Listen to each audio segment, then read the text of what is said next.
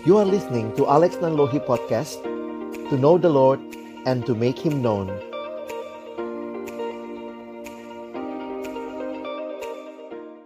Tuhan, jadikanlah hati kami seperti tanah yang baik Supaya ketika firman Tuhan ditaburkan boleh sungguh-sungguh berakar, bertumbuh dan juga berbuah nyata di dalam hidup kami. Berkati waktu ke depan Tuhan yang memimpin, baik hamba yang menyampaikan dan juga setiap kami yang mendengar. Dalam nama Yesus kami berdoa. Amin. Boleh digelapkan dulu sebentar ya. Matiin aja dulu. Shalom teman-teman lagi. Apa yang terbayangkan kalau teman-teman dengar janji-janji surga? Wah ada yang bilang, wah ini anaknya cuma janji-janji surga. PHP gitu ya janji-janji surga. Um, sering kali kalau dengar kata janji-janji surga yang terbayangkan adalah kebohongan. Wah ini dia cuma janji-janji surga. Yang dimaksud adalah apa yang dia sampaikan itu bohong. Nggak benar, terlalu indah untuk menjadi kenyataan. Too good to be true. Begitu ya.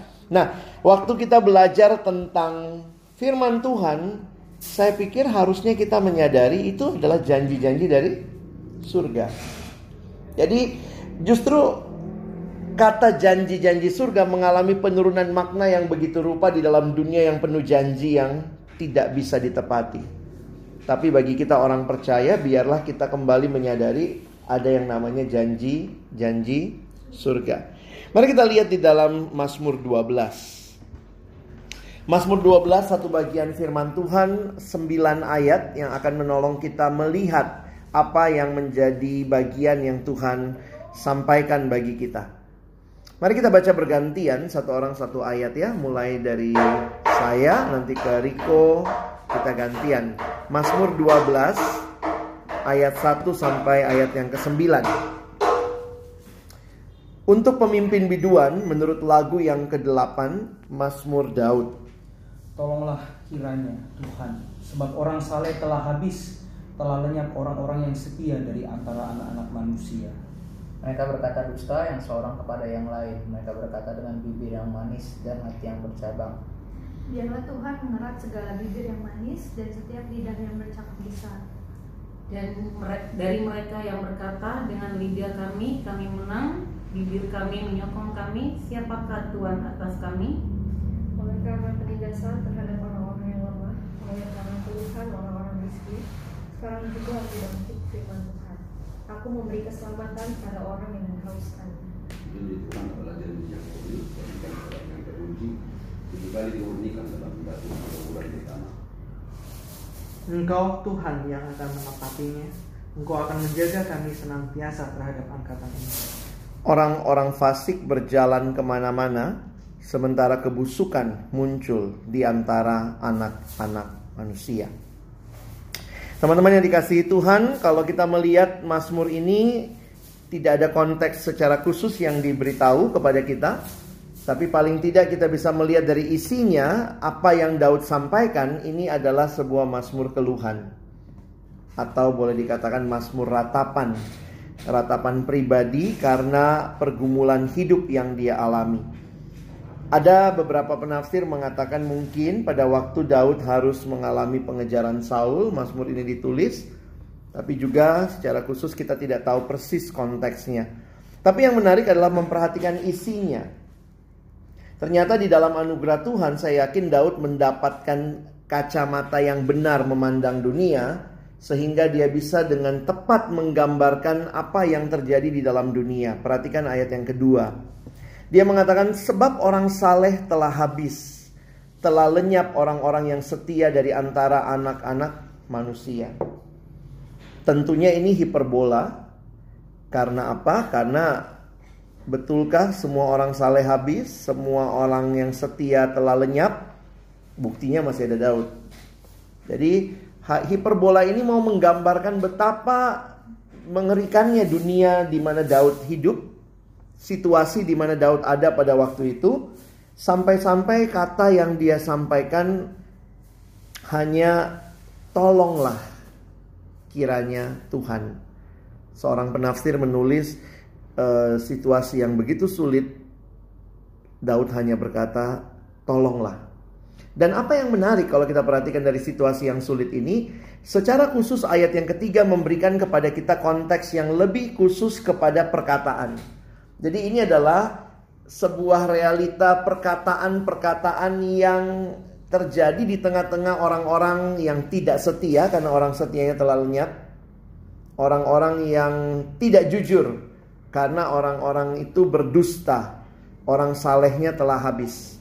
Perhatikan ayat 3. Mereka berkata dusta yang seorang kepada yang lain. Jadi ini jadi satu realita keseharian bahwa dusta itu resiprokal gitu ya. Yang satu ngomong dusta ke satunya lagi begitu.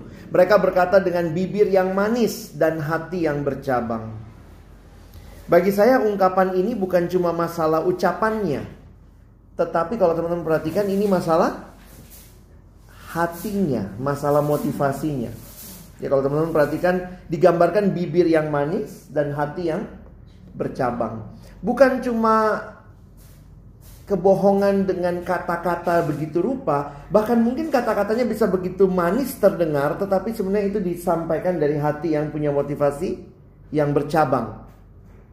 Karena itu Daud meminta Tuhan di ayat 4, Tuhan biarlah Tuhan mengerat segala bibir yang manis dan setiap lidah yang bercakap besar. Jadi mohon keadilan Tuhan atas situasi ini. Mengerat segala bibir yang manis dan setiap lidah yang bercakap besar. Dan perhatikan ayat 5. Ini apa yang mereka sampaikan. Dari mereka yang berkata dengan lidah kami kami menang. Bibir kami menyokong kami. Siapakah Tuhan atas kami? Ini menggambarkan kesombongan dari orang-orang yang menyampaikan uh, dusta itu. Nggak mau lagi ada yang ngatur. Siapa sih Tuhan kami? Sudah kamilah yang mengatur segalanya. Dan teman-teman, saya harus menyadarkan kita, mengingatkan kita bahwa kita pun sedang hidup dalam dunia yang seperti itu.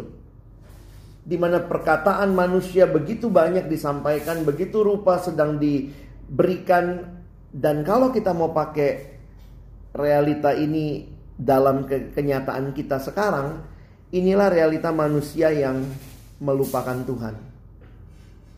Perhatikan ayat 6. Siapa yang paling terdampak dalam realita yang seperti itu? Saya pikir di dalam semua konteks masyarakat kalau ada pergumulan yang paling terdampak itu orang-orang yang lemah, orang-orang yang miskin. Dikatakan oleh karena penindasan terhadap orang-orang yang lemah, oleh karena keluhan orang-orang miskin. Dan apa yang menarik, perhatikan sekarang juga aku bangkit firman Tuhan. Tuhan bangkit, Tuhan menolong, perhatikan aku memberi keselamatan kepada orang yang menghauskannya. Jadi saya coba menghayati dalam realita yang seburuk itu pun ketika pemazmur berteriak mohon Allah menolong, Allah menolong dan memberikan keselamatan. Dalam bentuk apa? Wah, ini menarik ya, perhatikan ayat 7. Kalau yang di atas kita bisa kontraskan, yang di atas itu janji-janjinya manusia. Janji-janji surga pakai tanda kutip. Dan bagaimana Tuhan memberi keselamatan? Tuhan pun memberinya melalui janji surgawi yang luar biasa ayat 7. Janji Tuhan adalah janji yang murni. Kemurniannya digambarkan bagaikan perak yang teruji, tujuh kali dimurnikan dalam dapur peleburan di tanah. Jadi ini kemurniannya sangat teruji.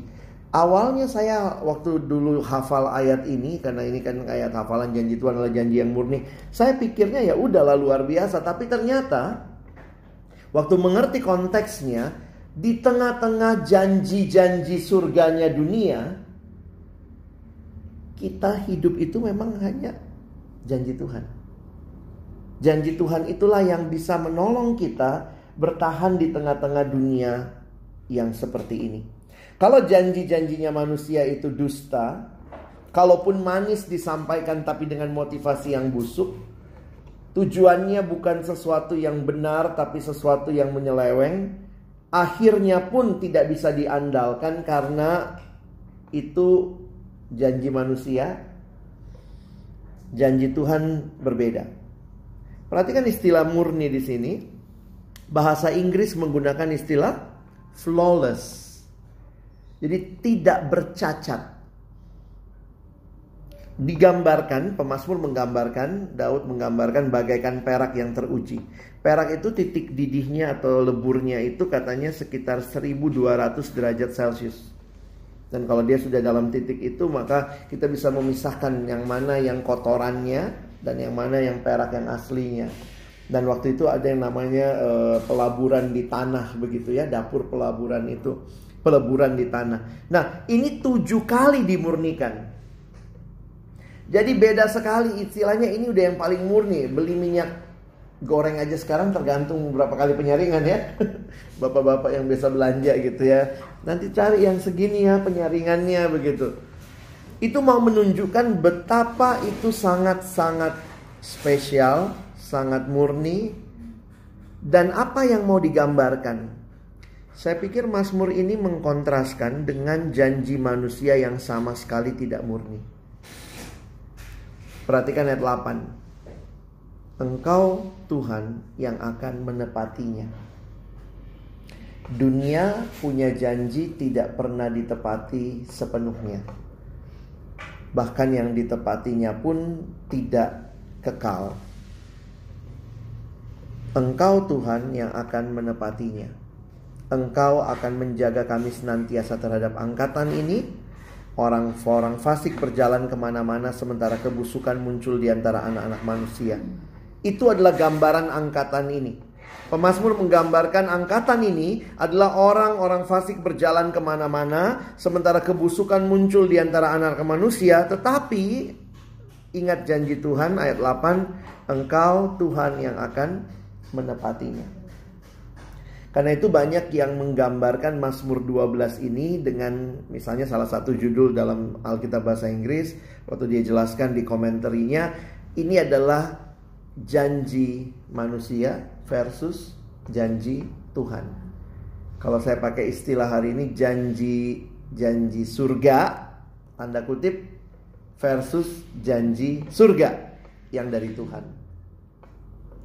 Kenapa ini jadi hal yang penting teman-teman? Jujur aja waktu saya merenungkan bagian ini, saya langsung ingat siswa dalam generasi ini apa sih yang mereka paling butuhkan? Ada begitu banyak janji, harapan yang diberikan pada mereka. Ada yang memang juga bagus karena selaras dengan kehendak Tuhan. Dunia menjanjikan mereka akan punya masa depan yang cerah. Ya Alkitab juga bilang begitu. Tetapi Tuhan punya janji yang murni yang mungkin waktu bicara masa depan yang cerah bukan masa depan yang cerah tanpa perjuangan, tapi masa depan yang cerah di dalam pergumulan pun berserah kepada Tuhan. Dan waktu memperhatikan ini, jadi bertanya lagi, generasi ini butuh apa sih? Saya pikir kalau perkantas mau seirama dengan apa yang firman Tuhan sampaikan, mari terus memberitakan janji Tuhan. Janji Tuhan yang murni, dan bagi saya yang menarik ayat 7 dan 8, janji Tuhan adalah janji yang murni, engkau Tuhan yang akan menepatinya. Teman-teman kalau kita punya dua teman, sama-sama janjiin hal yang sama. Tapi pernah nggak kita alami, kenapa janjinya sama tapi kok saya rasanya lebih percaya sama dia? Bukan sama yang satunya. Itu kan faktor apa? Kepercayaan juga. Jadi ternyata teman-teman bagi saya yang menarik di sini bukan hanya janji Tuhannya yang penting, tetapi yang jauh lebih penting adalah siapa Tuhan yang berjanji. Dia adalah Allah yang dapat dipercaya, dia Allah yang sanggup menggenapkan karena dia berkuasa. Beberapa kali saya datang ke acara tertentu atau misalnya ada saudara yang lagi kedukaan. Atau ya paling simple waktu itu ada satu teman staff kontak ke Alex boleh datang nggak ke rumah sakit? Ipar saya sudah tunggu waktu lah. Udah terminal gitu ya dia bilang bisa nggak ke Alex datang? Tolong berikan penghiburan begitu ya. Udah mulai mikir aduh kenapa gue kosong ya? Pas banget gitu ya. Pas lagi kosong mau pakai alasan nggak mau pergi juga gimana? Terus kemudian waktu sudah bisa udah yakin pergi aduh nanti gue mau ngomong apa nanti kalau saya ngomong dia nggak terhibur gimana gitu ya terus akhirnya aku jadi sadar loh aku kan sedang menyampaikan firman Tuhan yang bisa menghibur dia bukan bukan bukan gua gitu tapi Tuhan sendiri dan sejauh mana aku membawa dia kepada Tuhan yang adalah Allah yang berjanji itu. Jadi akhirnya melangkah dengan ringan begitu. Walaupun waktu ketemu tuh juga awalnya bingung gitu ya. Saya ingat waktu di Cikini. Aduh gimana ini ya. Terus kemudian saya bacain Mazmur 23. Saya pegang tangannya. Lalu saya jelaskan Tuhan adalah gembala takkan kekurangan. Saya jelaskan kepada dia. Saya bilang abang kalau abang uh, punya pergumulan, ya yakinlah Tuhan bersama. Dan itu janji Tuhan. Dalam hati saya, saya habis ini saya pulang. Benar nggak dia bersama Tuhan? Ya dia bersama Tuhan. Kadang-kadang kita sendiri sebagai hamba Tuhan mungkin perlu lagi menyadari kita masih yakin nggak sih Tuhan yang berjanji? Jangan-jangan kita nyampein firman buat siswa kita juga nggak nggak yakin-yakin amat begitu. Makanya balik lagi masalah utama kita adalah kita percaya nggak melayani siswa supaya mereka teguh jadi orang percaya harus dilayani oleh orang-orang yang benar-benar percaya sama Tuhan, percaya janji Tuhan dan menyampaikannya bagi mereka. Nah karena itu lagu tadi menghibur ya. Uh, Jesus, Jesus, how I trust Him, how I prove Him over and over ya Tuhan mengizinkan kita juga mengalami pergumulan supaya kita belajar percaya terus menerus. Kan nggak ada yang sudah sangat yakin percaya lalu nggak ada lagi pergumulan ya.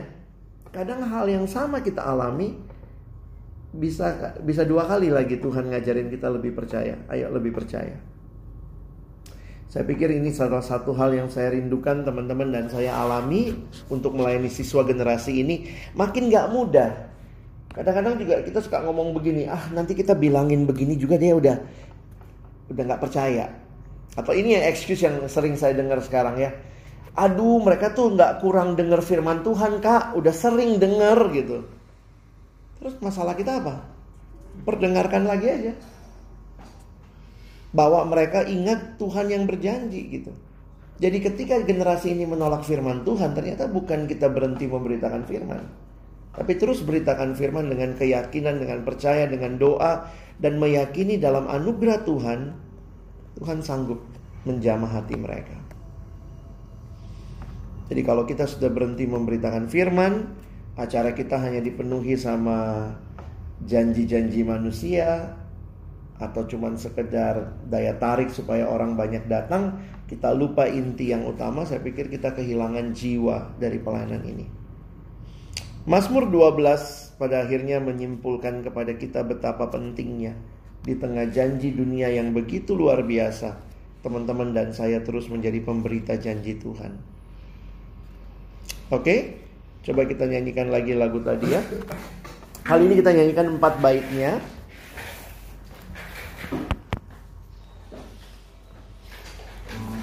Bait yang ketiga mengatakan yes It's sweet to trust in Jesus, just from sin and self to cease. Just from Jesus simply taking life and rest and joy and peace. Bait 4. I am so glad I learned to trust thee, precious Jesus, Savior, friend. And I know that thou art with me, wilt be with me to the end. Engkau bersamaku hingga akhirnya. Ini dari bait satu ya.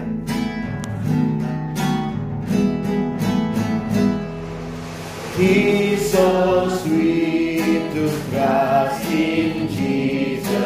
just to take Him at His word, just to rest upon His promise, just said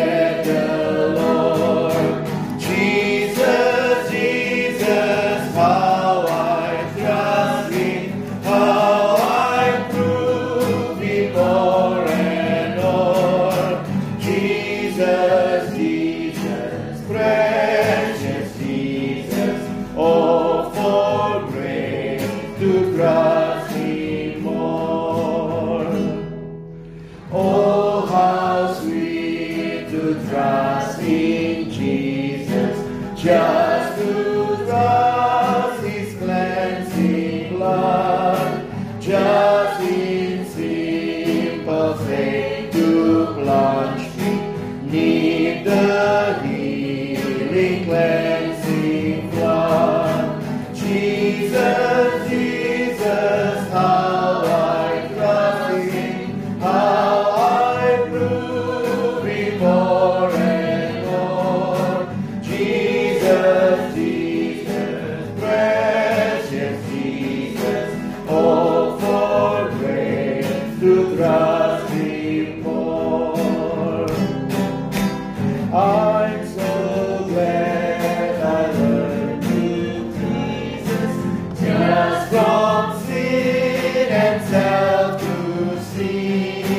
Just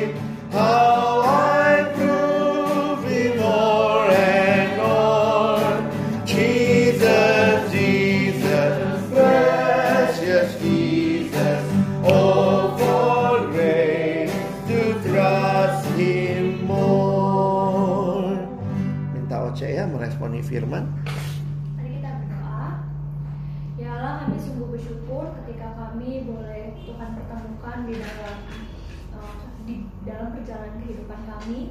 Ketika kami mungkin bisa jadi menjadi orang-orang yang tidak percaya hari ini, tetapi di dalam perjalanan kami Tuhan boleh mempertemukan kami dengan Engkau, Allah yang sejati, Allah yang hadir di dalam kehidupan kami, Allah yang nyata.